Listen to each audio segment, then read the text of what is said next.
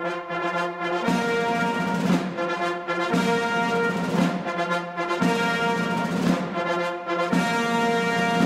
saya Rindra. Saya bisa membeli seluruh masker di jagat raya. Tapi sayangnya, masker tidak bisa menyelamatkan Anda dari virus corona. Jangan lupa cuci tangan. Pesan layanan masyarakat ini dipersembahkan oleh Box to Box Media Network.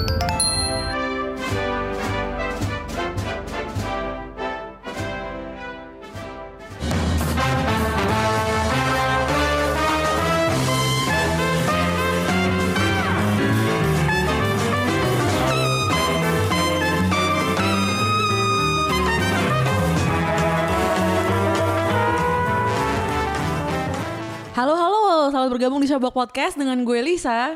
Gue Amy. Gue Rana. Hai semuanya, akhirnya Showbox kembali.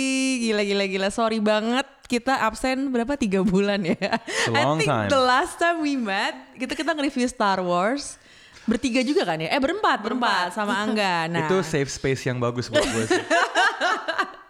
eh, review Star Wars yang bikin Rana ngomel-ngomel sampai beberapa minggu ke depannya. Bahkan kemarin lo lihat gak sih ada breaking news Star Wars ya itu yang mana nih? yang eh, ternyata ayahnya Rey terus Clone. Iya, jadi ini Are you were ini- you angry? Gue kayak ini masih kayaknya lucu nih. tahu. Eh, kayaknya ini adalah film uh, tentpole dengan klarifikasi terbanyak. Setelah Sampai- Iya, jadi kayaknya ini mungkin mentang-mentang sudah masuk ke dalam Disney Iya. Universe, Hmm. dia merasa wah kayaknya visual dictionary, novelization itu part-part yang terpisah. Gue sih takjub ya udah bulan Maret 2020 Iya. orang-orang udah ngomongin corona dia masih nge- masih Bener, memperbaiki move on. masih memperbaiki masih masih retcon gitu. Filmnya sudah berusaha melakukan retcon. Aduh. Masih di retcon. Ada eh, siapa si sutradara video klip si Joseph Kahn. Itu dia kan bilang setelah dia benci banget sama episode 8. Dia kayaknya suka sama episode 9 dan dia bilang, "Lihatlah JJ Abrams retconning with with precision. The canon is broken, bro. It's udah udah aduh udahlah gue ya sudah. Udah cukup cukup. Ini this is not- anyway kalau Ratna dikasih umpan Star Wars langsung repet Maaf, maaf, maaf. It's okay. Eh, jadi kema- Showbox tuh ke mana aja sih? Kok nggak bahas Oscar, nggak bahas apa sepi banget? Nah, sebenarnya kita karena emang lagi sibuk dengan jadwal hidup masing-masing aja sih. Eh, sekarang hari ini tuh nggak ada Angga juga karena Angga lagi eh, mempersiapkan sebuah film panjang yang pertama. Eh, di mana dia juga jadi eh, associate producer di situ. Jadi emang jadwalnya emang tidak memungkinkan buat rekaman gitu. Dan gue sendiri juga lagi agak ada pindahan juga. Ya baru sempetnya sekarang. Eh, Emi apa kabar Emi? Baik. Lagi cari kerja, Bo. Lagi cari kerja. Udah dapat kerja sih. terus terus Iwan. terus. Tapi masih eh, tahap adjustment. Jadi masih ya gitu deh, masih harus jadi anak baik di kantor. Oh gitu. Rana gimana Ran kerjaan Ran? Ya ini semakin sibuk dengan perkartelan box to box. Gila, gila, Eh, gila, gila. Selain showbox, Eh, eh, Rana tuh ada di Box Out, ada, di, Otaku, Box. I have a third one on advertising namanya Ngerompi. Yes. And gue mendengar selentingan rumor katanya Hmm. akan ada satu lagi podcast film di jagat box to box. Hmm. So, ya you know, semakin semakin kejar setoran box to box yang gue Iya, dengar iya, dari iya. kawan-kawan di pucuk Gila, pimpinan gila, gila, gila. cukup agresif. gitu. Oke, sekarang kita langsung ngebahas eh, kita gini. Jadi eh, sesuatu yang mau gue bahas bareng Rana, Emi belum nonton. Yang gue bahas bareng Emi, Rana belum nonton. Jadi sekarang kita diskusinya singkat-singkat aja Ya. karena ini edisi lepas kangen juga gitu ya. Eh, kalau mungkin gue ngobrol sama Rana dulu, kita bakal ngomongin film The Invisible Man karena ini film yang baru tayang minggu lalu ya, baru tayang minggu lalu. Ya. Eh, Rana baru banget nonton tadi malam, Yes. langsung WhatsApp gue malam-malam. Dan gue liat di Twitter kayaknya anak trauma apa gimana. Cuman gue nanya lo dulu nih Ran, Yeah. gimana menurut lo film ini? Oh my god. Hmm. Um, ya serem banget. Hmm. Um, buat gua for all the right reasons. Iya. Dan kalau boleh sedikit personal for Hmm. all of the wrong reasons juga gitu. Gua gua rasa ini mungkin film yang lebih menakutkan lagi buat penonton perempuan. Hmm. Jadi sebenarnya gue lebih tertarik untuk tahu pendapat lo. Um, yang mungkin pernah mengalami hubungan yang kurang smooth Hmm. gitu dan I'm not saying gue gue melakukan kejahatan-kejahatan di film itu, tapi there were parts of it yang membuat gue berpikir, anjing gue mesti gue mesti muhasabah tau nggak? Gitu cuman cuman uh, really really scary. Um, merasa sangat current Uh, menurut gue directionnya Leigh Whannell uh, is really good. Um, sangat efektif. Um, dan senang sih film film horor yang paling menakutkan kan yang membuat lo sadar akan everyday horrors kan? Dan menurut gue film ini uh, cukup walaupun ini remake dari Invisible Man bagaimana cara mereka mengupdatekan film itu it makes it really really scary. Hmm, oke. gue nonton film ini eh, minggu lalu ketika baru baru tayang gitu ya. Eh, film ini dibuka dengan eh, adegan yang sangat mencekam menurut gue karena eh, karakternya Elizabeth Moss di situ lagi berusaha melarikan diri dari eh, suaminya gitu Yeah. kan. Dan itu dari sebuah rumah yang kayak compound yang yang kayak jauh dari mana-mana gitu. Jadi segala siasat dilakukan sama dia.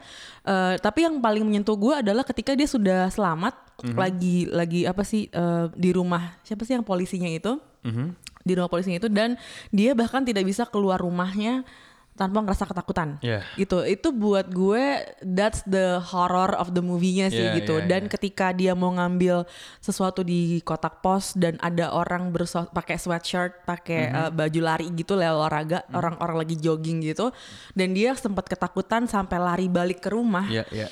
It's something that I actually experience gitu Right. karena gue kan kalau lari suka pakai um, Headset. kan jadi gue nggak tahu pergerakan orang-orang di sekitar gue jadi kalau tiba-tiba ada orang yang dekat gue tuh itu akan refleks rasa takut gitu loh. Padahal gue nggak punya pengalaman trauma yang dialami oleh karakternya si Elizabeth Yes. Moss ini gitu. Dan itu sesuatu yang real buat perempuan ketika lo merasa terancam di public space tuh itu itu nyata banget dan Mhm. the whole movie adalah gue ngerasanya itu kayak sebuah metafora aja. Mhm. Gimana kalau lo di apa ya?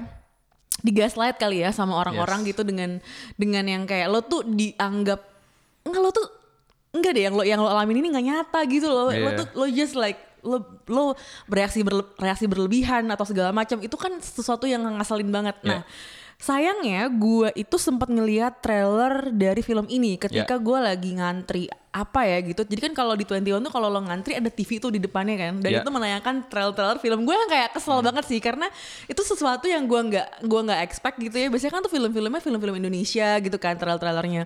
Tiba-tiba ada itu terus gue lagi bengong dan gue ngeliatin TV itu. Terus gue kayak hah?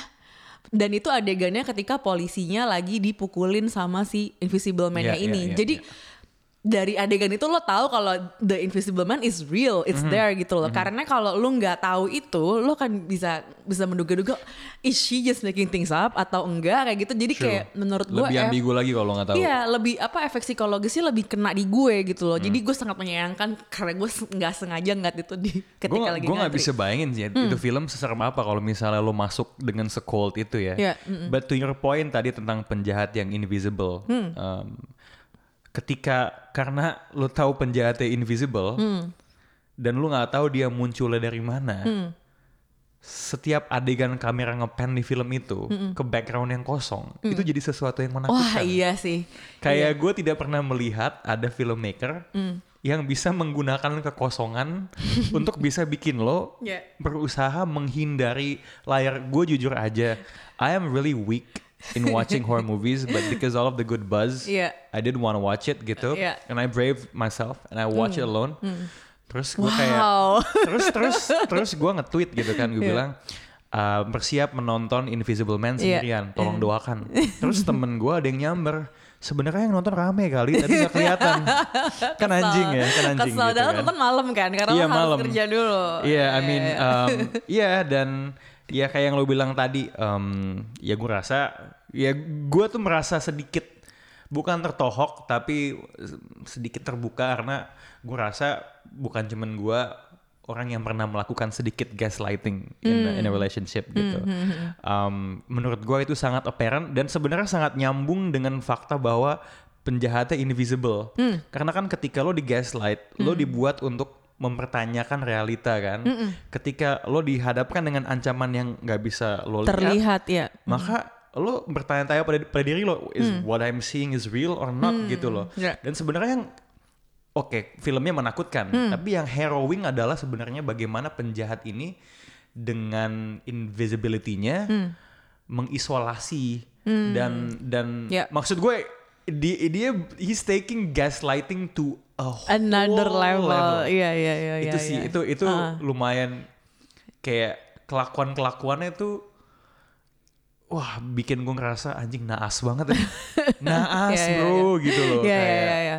Crazy sih and the direction kayak yang gue bilang tadi efektif banget Iya. the use of sound di film ini Oh, di uh, sound desainnya Keren keren, banget. banget. Sound desainnya keren, Keren banget. banget. Ya, karena mungkin uh, karakternya ini nggak kelihatan, jadi all the sounds bener-bener bener-bener Iya. dipikirin banget. Iya. Jadi emang efeknya maksimal gitu ya. Yes. Uh, sutradaranya nih Lee Wannell yang bikin film Insidious. uh, 2010 bikin film Slow juga, bikin film Insidious Chapter 3. Nah, ini berarti maksudnya dia emang sudah terbiasa ya, dia well exercise in this genre gitu, emang dan dan menurut gue uh, ini un- unexpected gak sih fi- film Invisible Man ini karena kan tayangnya aja di bulan Maret awal jadi Yes. sebenarnya nggak Bulan terlalu sepi. iya bulan-bulan yang masih kering yang Yeah. abis pos-pos Oscars gitu dan tapi tapi ternyata dia doing quite Iya, well gitu. Dan yang sebenarnya menarik adalah ini kan dari Universal ya. Tadinya kan sempat ada wacana nih Monster. Iya. Universe. Iya, Dan salah satu yang di rosternya adalah Invisible Man. Hmm.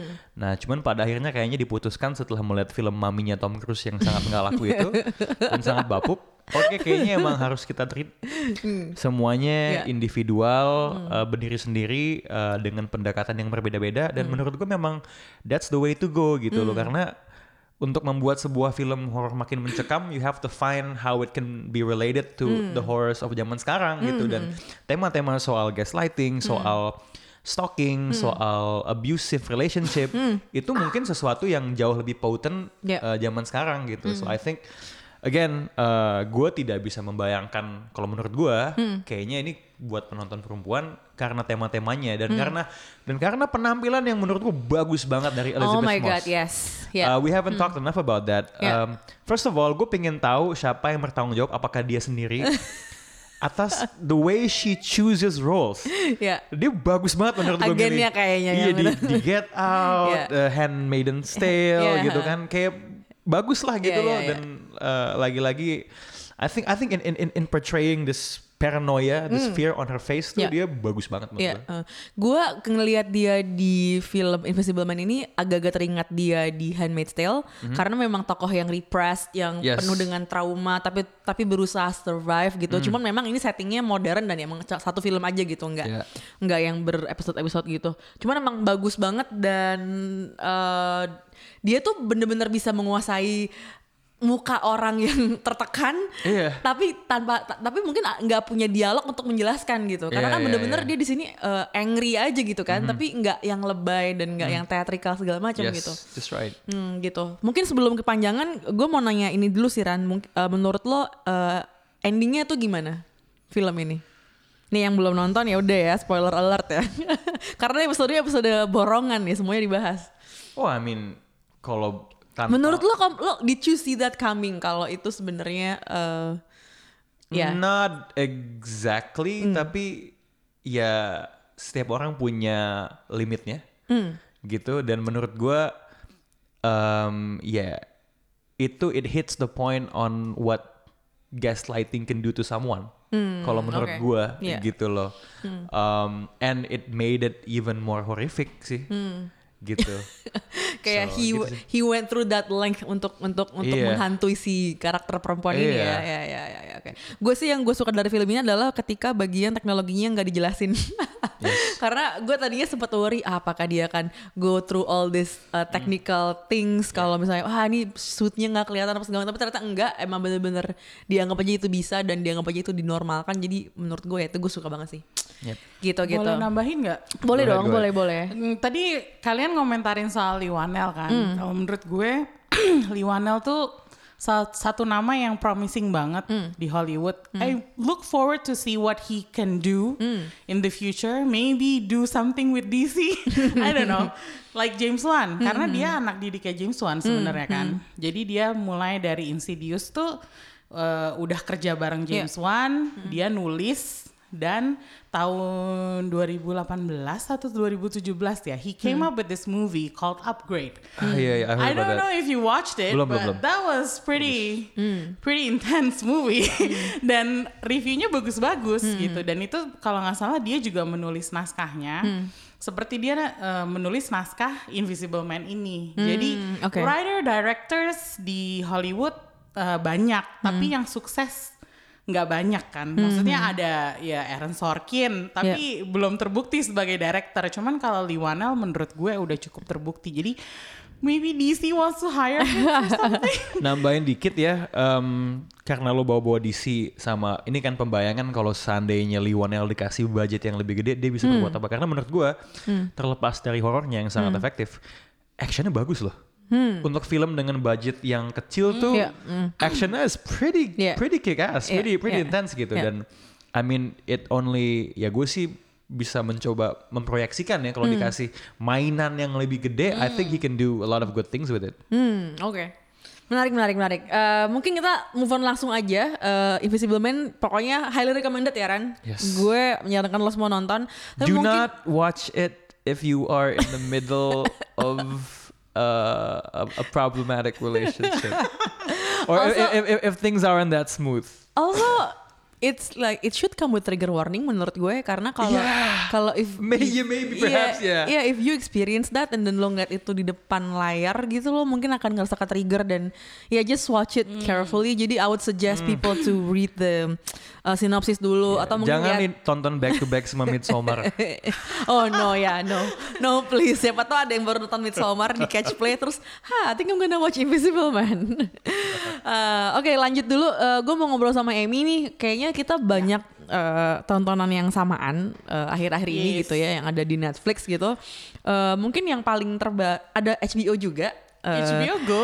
HBO Go yang sekarang udah bisa langganan langsung ya tanpa Iya. harus bayar TV kabel lumayan gitu. Eh, cuman yang paling baru mungkin adalah Outsider yang episode finalnya keluar hari ini tapi gue belum nonton. Lo nonton belum? gue belum nonton lengkap karena eh, jujur aja The Outsider gue nonton episode pertamanya eh, Janu awal Januari eh akhir Januari waktu tayang di HBO di TV terus gue creeped out. Gue creeped out karena eh, masalahnya ini serial tuh settingnya kan agak-agak gersang gitu ya. Eh, dan kelabu banget gitu, gloomy and dreary, dan gue nggak seneng sama eh, tampilan orang-orangnya. Jadi mereka tuh nggak cakep, mereka nggak, you know, karena mungkin karena gue udah kebiasaan nonton serial-serial yang polished kali ya. Jadi ini sekalinya dapet serial yang orang-orangnya detektif-detektifnya tampangnya tuh kayak lusuh banget tuh kayak. Males ya nonton ya. Terus udah gitu ditambah korbannya anak kecil. Itu gue udah paling males deh kalau korbannya anak kecil. Jadi gue nonton satu episode, gue creeped out. Terus gue pikir I'll just wait until uh, udah ada lima episode. Jadi Oke. gue binge gitu. And it turns out to be a good decision karena once I watched and got into the story, I could not stop gitu. Dan uh, The Outsider kan kalau nggak salah ditulis sama Stephen King ya. It's from a novel by Stephen King, uh, a full novel if I'm not mistaken. Dan uh, ini tuh Stephen King tuh akhir-akhir ini tuh suka banget mencampur supernatural in a realistic way sehingga kita tuh nggak merasa terlalu oh ini vampire Iya. gitu. Jadi kayak eh, selalu ada mysterious force di yang yang mengawang di atas karakter-karakter manusia-manusianya. Dan di sini tuh they're not apologetic about that at all. Jadi ketika karakternya Cynthia Erivo nongol langsung kita tahu there's something supernaturally wrong. Dan itu bikin makin creepy lagi. Jadi ya kalau yang nggak suka horor ya harus agak-agak eh, Ya. Apa eh, tahan batin ya Ya, ya, ya. untuk nonton serial ini sih kalau bisa dibandingin di Netflix gue juga nonton The Stranger kan It's a Itu keluarnya agak-agak barengan ya. agak-agak barengan, cuman kan Netflix keluarin semuanya Iya, gitu. Jadi gue waktu nonton. itu prioritasin nonton The Stranger dulu.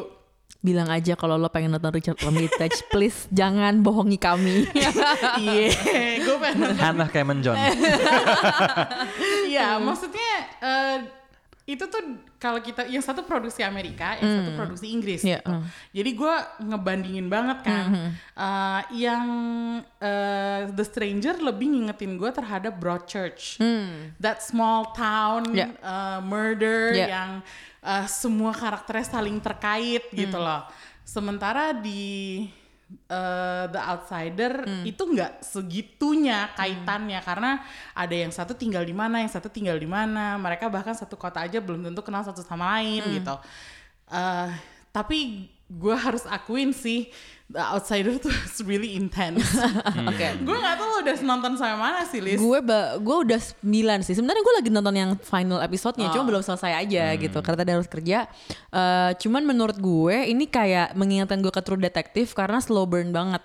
Bener-bener eh, tapi kayak agak-agak supernatural gitu kan karena memang gue tuh sebenarnya nggak terlalu suka Stephen King karena ya itu karena kayak eh, nggak tahu nggak nggak nggak kena aja di gue tapi yang sekali ini menurut gue ini cocok banget buat gue gitu. Karena beneran eh, kan dia kayak ngangkat urban legend gitu kan. Ya. ternyata si El Cuco-nya ini adalah suatu legenda yang katanya lo bisa berubah bentuk dan segala macam dan episode pertamanya itu menarik yang ada Jason Bateman-nya itu menurut gue menarik banget Ya. gitu dan memang ternyata si Jason Bateman tuh eksekutif produser kan di uh, acara ini. Jadi mungkin emang ya udahlah gue tampil sekali untuk ngejual acara ini dan and you- you know uh, ya udah sold aja sih gue untuk kayak nonton terus Uh, ada di beberapa beberapa episode yang gue ngerasa aduh ini lama banget deh terlalu lama terlalu dipaksa jadi stretch out jadi 10 episode gitu ya. Menurut gue kalau lo kalau lo iniin aja jadi 7 atau 8 tuh mungkin bisa gitu nggak nggak yang ini banget. Eh, cuman mungkin emang itu pilihan yang diambil sama tim produksinya juga dan emang mengingatkan gue ke Det- True Detective juga sih slow burn-nya segala macam Ya, gitu. em, eh, sepertinya setelah True Detective season pertama, Hmm. HBO tuh pengen banget punya serial yang ya itu mengulang kesuksesan True Detective season 1 kan. Tapi Hmm. Iya. masalahnya True Detective-nya sendiri aja di season 2 nggak Hmm. berhasil mengulang eh, atmosfer atau That's true ya. Apalah di yang di season pertama tuh gue juga sebenarnya nggak ngerti ya. Iya. apa yang bikin serial itu sangat menarik karena sebenarnya slow burn-nya parah banget kan. iya, nah tapi di Outsider ini gue merasa seperti itu yang tadi gue bilang. Begitu karakternya Cynthia Erivo yang namanya Holly gitu Holly, ya. itu muncul tiba-tiba kita udah oh langsung dibawa lari nih ke belakang. Langsung kita tahu ada this entity yang wreaking havoc between families dan gila sih sebenarnya. Gue eh, tadi gue baru nonton sebagian episode 7 terus gue udah gak kuat. Karena Holly-nya sendiri kan Iya. in trouble kan. Iya, iya, iya, jadi gue gak tau deh. Gue bisa lanjut. menurut gue di 89 ini banget sih menarik banget perkembangannya. Jadi tonton terus Eh, gue nggak tahu yang 10 nya gimana dan gue nggak tahu nih final finalnya apakah worth it buat semuanya apakah ntar ada sequel apa segala macam gitu. Tapi Ran lo suka gak sih Stephen King? Eh, gue nggak terlalu familiar dengan Hmm. dan baca bukunya sih. I mean, obviously film-film dia yang yang populer kayak It gue masih nonton Iya. gitu. Tapi gue tuh nggak suka lo it lo suka gak sih referensi gue di King tuh nggak nggak nggak terlalu kencang Hmm. sih. I, I like the first It, second one not so much. gue I, nggak I've not watched the, the It remake gue nonton yang pertama doang dan nggak nggak terlalu Nggak suka kena. sih Heeh, nggak kena Sebenarnya Gitu. eh, ini menarik ya karena Stephen King ini di eh, bioskop, di Hmm. film layar lebar, di feature film dan di serial Hmm. itu lagi banyak mm, diangkat lagi gitu. Hmm, Entah kenapa there's a Stephen King revival Hmm. in the past three years or so yang bikin dia tuh tiba-tiba jadi eh, hot item lagi Hmm. gitu Ya. dan menurut gue eh, serial-serialnya works a lot better than the movies karena eh, gue sempet nonton yang namanya Mr. Mercedes Um, Mr. Mercedes itu eh, premisnya juga agak gila sih tentang pembunuh yang eh, nabrakin orang-orang dengan mobil Mercedes. Dan yang ditabrakin Wow. itu adalah orang-orang yang sedang eh, cari kerja. Jadi mereka lagi Wow, lagi bleak. ngantri di employment center, tiba-tiba di rundown sama mobil. Lo bayangin nggak itu itu adalah upaya orang privilege untuk mengurangi angka pengangguran. Buk, buk, buk, buk, buk. Dan salah satu korbannya adalah eh, bayi karena Oh my god. Kayak gue gak akan nonton deh ini Iya, aduh-aduh. jadi maksudnya kalau lo mau ngomongin horor itu eh, apa? eh, ya Stephen King itu Dia kalau di Indonesia bisa masuk MLI kali ya. Bikin-bikin dark joke terus gitu ya. dan itu pakai topi itu. itu tayangnya kalau nggak salah di eh, audience. Eh, terus ada Castle Rock. Castle Rock itu a series that is an homage to Stephen King di Hulu. Eh, so Netflix also has a movie kalau nggak salah yang main Carla Gugino. Eh, I forgot the title, tapi itu juga uh, nggak banget gitu. And now HBO has joined Yeah. uh, the Stephen King craze. Uh, kayaknya masih belum akan pudar sih. Iya, iya, iya. Karena sepertinya gue ngelihat tanda-tanda The Outsider bisa lanjut ke season 2. Hmm, oke. dan uh, tahun lalu, akhir tahun lalu ada satu film Under the Radar yang uh, orang mungkin nggak sempet nonton di bioskop karena cepet Hmm. banget hilangnya, which is Doctor Sleep. Oh, sequelnya Itu sih. sequelnya The Oh, I Shining. love it. Gitu. Jadi ya kayaknya sih bakalan ada season 2 sih untuk The Outsider. I'm, I'm wondering ya, well first of all itulah kenapa lo harus menulis buku sebanyak mungkin ya. Iya gak sih? Kayaknya kalau lo lihat sebenarnya kan bedanya Stephen King mungkin dibandingkan pengarang lain terlepas dari how he writes adalah Yeah. he's so prolific kan, banyak banget bukunya kan. Kedua, gue jadi berpikir this might be a stretch ya. Apakah Craze uh, adaptasi dari properti-properti dia kan kebanyakan temanya tuh bleak and dark. Is it a reflection of the times di di US? Uh, situasi Bisa apa sih. kultural politikalnya bisa juga gitu. Apalagi Stephen King is actually politically very um, critical Yes. of the Trump government. Betul. Dia sempat di ban Kiri dari dia. Twitter Iya, iya, iya. So, karena mengkritik uh, Trump government Iya. gitu. So, meskipun akhirnya dia di reinstate lagi Iya. accountnya Iya. gitu. Cuman you can imagine orang kayak Stephen King Iya, gitu. Lihat Bisa aja kan gitu Twitter ya. kan lagi dibeli sama sayap kanan di US kan. sama konservatif. Wow. Eh, Oke, nextnya kita ngomongin apa nih? Eh, kita mau ngomongin The Stranger atau kita mau Oh, ngomongin Lock eh, and Key atau kita mau Ini ngomongin lo nyebut-nyebut Lock and Key ya. Lock and Key itu di Netflix Iya. um, itu adaptasi dari graphic novel yang setahu gue dibikin sama anak Stephen King. Oh wow, Joe. Hmm. Hill. Ya. Dan graphic novelnya itu cukup nakutin. The one that I saw Iya. uh, made me not want to read again. Oke. Jadi waktu dulu gue baca Lock and Key, gue langsung no not for me gitu. Hmm, Terus sekarang dibikin serialnya. Sayangnya serialnya tuh kalau menurut gue terlalu apa ya? eh terlalu family Hmm. like uh, it's a family drama, not enough of the horror. Hmm. Jadi inilah bedanya bapak sama anak ya. Kalau si bapak mungkin kayak udah punya kayak some kind of power to say that no you cannot change Aha. the characters or the atmosphere of the story. You have to um, perform it in a certain way gitu. Sementara kalau si Joe Hill ya meskipun dia udah punya banyak ya lumayan banyak properti yang diangkat jadi uh, film atau serial juga sepertinya belum punya that kind of power atau belum dihormati Atau mungkin- segitunya Atau gitu. mungkin dia mau melakukan hal yang berbeda aja dengan bapaknya Bisa gitu. jadi karena dia sih, nggak mau bisa sama jadi. juga. Hmm. Tapi gue nonton Lock and Key, gue nggak dapet feel yang gue akan terus bench ini sampai gue selesai, gue nggak akan tidur. Itu gue nggak dapet sih dari Lock and Key. Gue gue belum nonton ya, tapi yang gue tahu juga tentang komiknya adalah eh, komiknya tuh agak serem. Tapi kalau gue lihat sekilas dari trailernya, it looks more like a fantasy ya. Yep. Yes. Actually is. ketika gue nonton itu yang bikin gue keep on going adalah kayak gila gue udah lama banget nggak nonton fantasy gitu. Jadi kayak emang horor-horornya ada di beberapa episode 5 atau 4 gitu gue lupa. Cuman emang di tengah-tengah tuh ada lah itunya. Cuman memang yang lebih ditekankan itu kayak emang lebih fantasi dan em, gue tiga episode pertama it's like a feel good show but then something happened with one of the characters and then it just like when a shit show aja jadi kayak Right. ah kayak nyebelin gitu loh kayak unreasonable aja karakter-karakter ini gue bahkan nggak sampai ke titik itu gitu Oh, loh, Liz. oke. Jadi gue masih struggling di tiga episode pertama untuk finding out what is it actually about? What do the, Hmm, oke. what do these keys do? Ya, ya, ya. Oke. Why is it so important? gitu. Jadi gini, buat yang belum nonton ya, ceritanya tentang eh, sebuah keluarga yang eh, bapaknya meninggal dunia dan mereka harus pindah ke sebuah rumah. Rumahnya ini adalah warisan keluarga bapaknya gitu. Jadi eh, karena bapaknya meninggal dan itu kayak eh, dia harus pindah ke situ karena bapaknya itu yang punya yang punya hak di situ dan itu rumahnya harus ditempatin gitu. Dan ternyata di rumah itu banyak kunci-kunci yang tersebar di berbagai penjuru, ada yang di lukisan, ada yang di piano, ada di mana. Dan kunci-kunci ini bisa lo pakai di badan lo. Dan masing-masing kunci punya fungsi masing-masing. Jadi ada satu kunci yang uh, anywhere key yang uh, bisa juga sih di kayak di di pintu biasa dan lo bisa ke mana aja lo mau.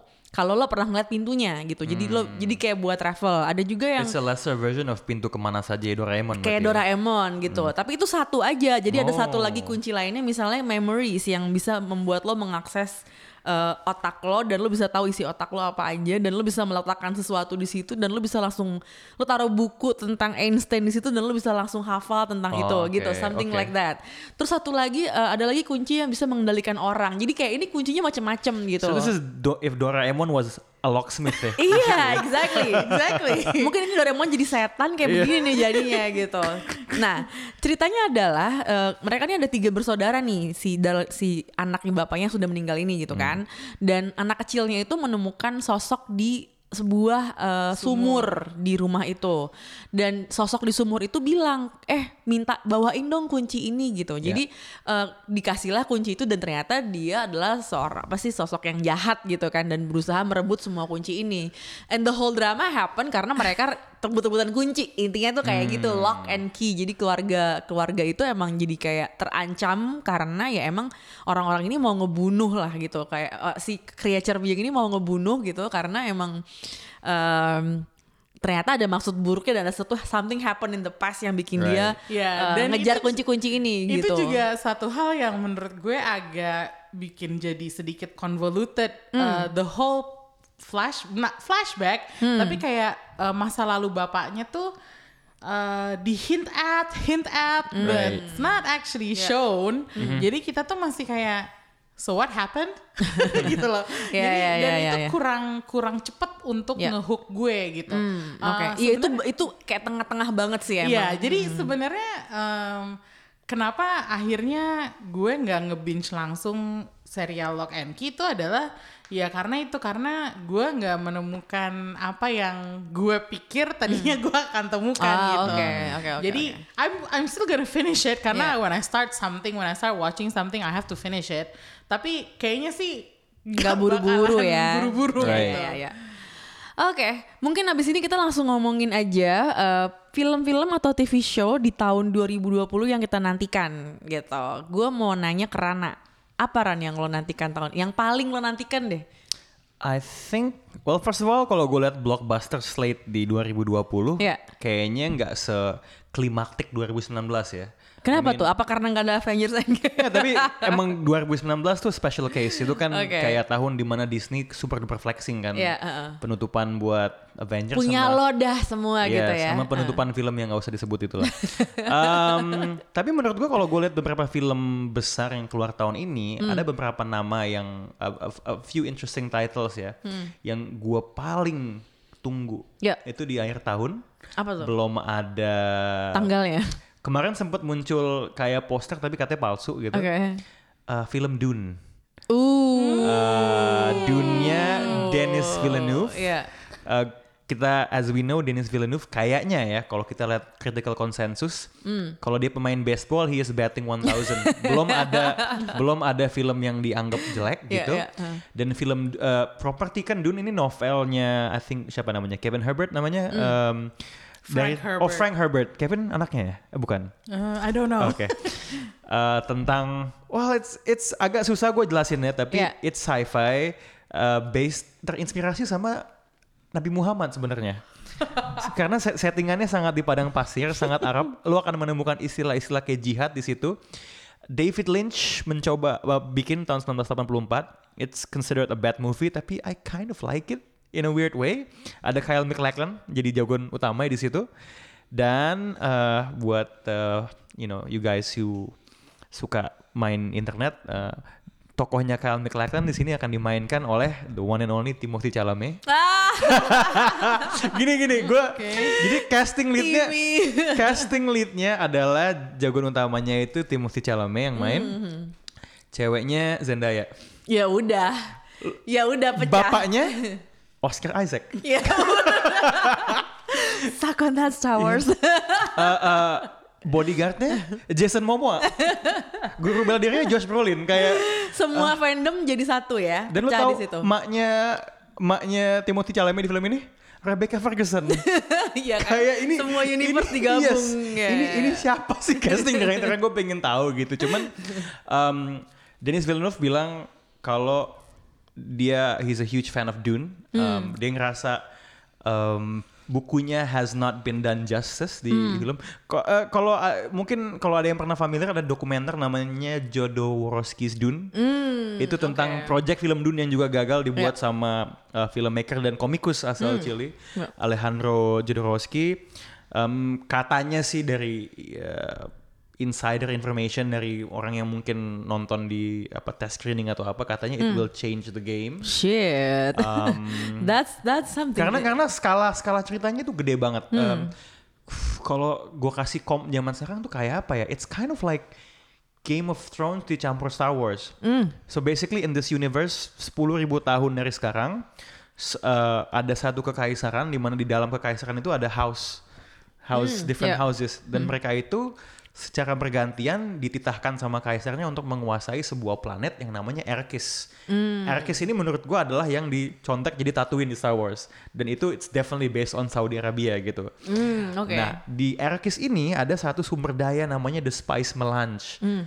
Spice yang dipakai buat light speed travel di dalam alam semestanya gitu. Jadi sangat berharga dan ceritanya giliran House Atreides untuk Hmm. menguasai planet itu, tapi ada house lain yang ah gue pengen menguasai ini dan biasalah gontok-gontokan Ya, ya. memperebutkan harta. Um, kalau memang seharusnya skalanya gede sih, gue rasa ini film paling gedenya Denis Villeneuve uh, sejauh ini sih. Oke, I'm So, excited. Hmm. I look I look forward uh, to it. Uh, kalau boleh dua film lain Boleh, yang, boleh. yang gue juga sangat excited. Um, Tenet, Hmm, ya. Christopher Nolan. Ya. Um, kayaknya dari semua filmmaker yang gede ya, yang kayaknya paling bisa menjual film ini menjual nama dia, Iya. itu kayaknya Nolan. Iya, iya, Iya iya, sih? iya. Kayak lu nonton Tenet bukan karena yang main atau karena Karena Nolan yang buat. Nolan gitu. Iya, iya. Trailernya seperti biasa tidak memperlihatkan terlalu banyak Iya. hal. Ada yang bilang ini film espionage karena Nolan selalu pengen bikin James Bond kan. Dia he's a huge fan of James Bond, tapi nggak kesampaian. Ini katanya versinya dia sendiri dengan elemen time travel. Um, ada Robert Pattinson who I think is gonna have a great two years Iya. going forward ya. Iya. Um, apalagi dengan Batman tahun depannya lagi dan ini anaknya Denzel si Ku Klux Klan eh, eh, Black Landsman Ku Klux Klan lagi. Siapa Jason siapa namanya Jason David Washington.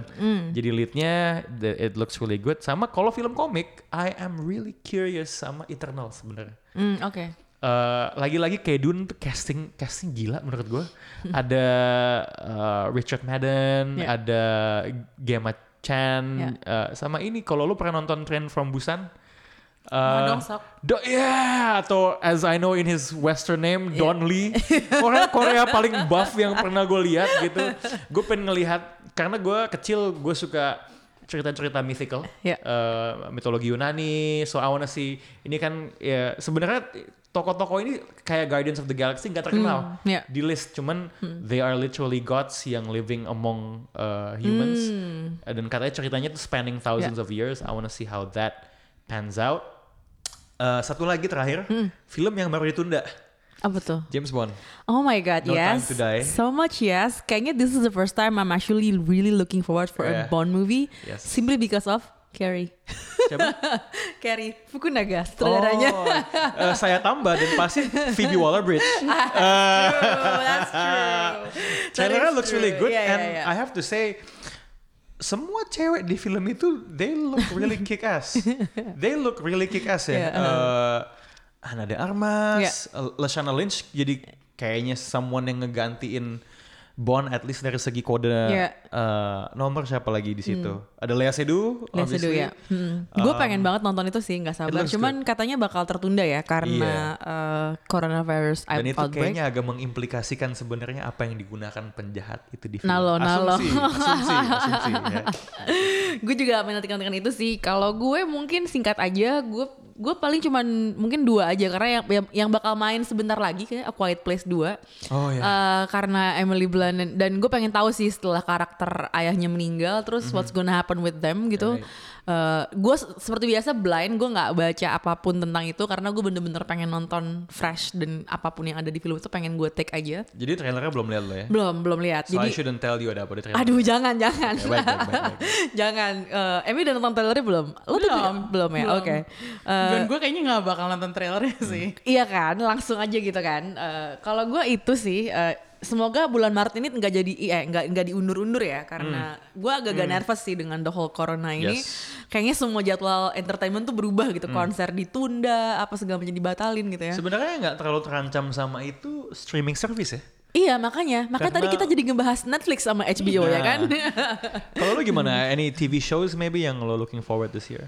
Well, next Monday it's gonna start Westworld season Oh, 3. oke. Gue menantikan itu banget sih. Terus apa lagi ya? Kalau serial sebenarnya nggak ada yang terlalu gue nantikan banget. So, tadi lo udah nyebutin Eternals. Itu juga salah satu film yang gue penasaran aja. Marvel post Avengers Endgame Iya. tuh gimana kabarnya? I mean, there's Black Widow tapi we know it's gonna be a flashback movie Iya. yang menceritakan kehidupan Black Widow sebelum dia Iya. mati di Endgame gitu. Tapi eh, kalau ngomongin blockbustersnya, eh, gue cukup penasaran dengan Godzilla vs Kong. Oh, it's this year ya? I think it's this year. Oh. I just checked, it's supposedly this year di bulan November, tapi nggak tahu kalau ada apa delay lagi. Iya. Cuman gue menikmati film eh, Kong yang sebelumnya. Iya. eh, dan gue menikmati Godzilla King of the Monsters. Kalau nggak salah gitu kan kita ngebahas Yes. ya Hmm. di Showbox. It's actually in my list as well si Godzilla versus Iya, Kong dan ini. gue sekarang pengen lihat perpaduan antara dua Yes. monster Iya. itu gitu. Apakah is it gonna be as epic as It should be epic nggak sih dua monster ini? tapi Kayak it could also be an epic bisa mess. norak juga Iya. ya, bisa norak juga. Apalagi maksudnya Maksudnya, eh, premisnya terdengar sangat menarik, Hmm. tapi gue takut eksekusinya tuh nggak Ya. ya jalan gitu. Cuman anyway, gue tetap pengen nonton film itu sih. Godzilla vs Kong, terus uh, Eternal, sama satu lagi ada satu film yang sebenarnya in trouble juga. Setahu gue harusnya sudah dari 2019 kemarin dirilis, tapi uh, sepertinya mundur dan gak tahu nih bakal mundur lagi apa enggak. Yang sutradarain adalah Joe Wright yang bikin Atonement. Ya. Um, ini film inspired by Hitchcock. Oke. Jadi it's from a novel. Uh, the novel has the same name. It's um, hang on, The Woman in the Window. it's from a novel. Gue novel. tahu deh trailernya itu. deh, kayaknya. Iya. Novelnya dibi- dibikin sama orang namanya AJ Finn itu pseudonym. Uh, he's a journalist I think kalau nggak salah dan bukunya sangat terinspirasi dari uh, sebuah film Hitchcock yang judulnya Secret Window or Rear Window bukan? Yeah, Yeah, that's yeah, it. Yeah, yeah, Rear Window. Um, jadi ceritanya ada seorang psikolog di sebuah rumah. Dia agorafobik, jadi dia nggak bisa keluar rumah. Terus dari seberang rumahnya, dia ngelihat di sebuah rumah lain uh, ada seorang perempuan dibunuh. Hmm. Tapi terus Ya. Ternyata perempuan itu nongol lagi. So what happened? What did she Oke. see? Dan itu cerita-cerita yang sebenarnya kita udah biasa lah, udah Gone Girl, ya Yeah. model-model kayak gitu nih kayaknya nih. Uh, tapi gue nggak bisa cerita banyak tentang novelnya karena itu kan jadi spoiler. Oke. Cuman gue sangat menantikan film ini karena uh, lagi-lagi di sini ada Gary Oldman Ya. main kerjasama dengan Joe Wright setelah di Darkest Hour kemarin kan. Hmm. Uh, terus ada Amy Adams, gue suka Amy Oh, Adams. iya, Amy Adams, ya. Jadi gue sangat menantikan Hmm.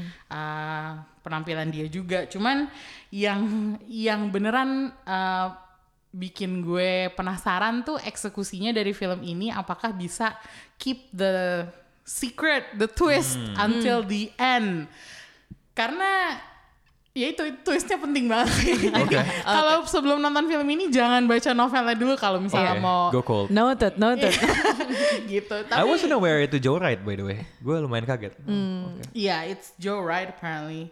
Dan um, nggak tau ya uh, sama film-film yang lepasan gini gue agak kangen sih karena exactly. Standalone. iya standalone movies Iya. karena ya kita udah dapat franchise banyak banget. Iya. Star Wars, Ya. Betul. terus uh, DC Seperti kata uh, Paduka Martin Scorsese, ya kan? Itu theme park movies gitu kan. Theme park movies, oh my god. Iya jadi kayaknya gue kalau denger judul-judul kayak ya Tenet gitu kan, Iya. itu gue tertarik karena Right. Iya. karena udah It's been a while ah, it's ya. been a while since we've got an Iya. original bahkan gak usah nggak original deh ya, yang diangkat dari buku lepasan aja. Iya. Itu sih yang gue cari.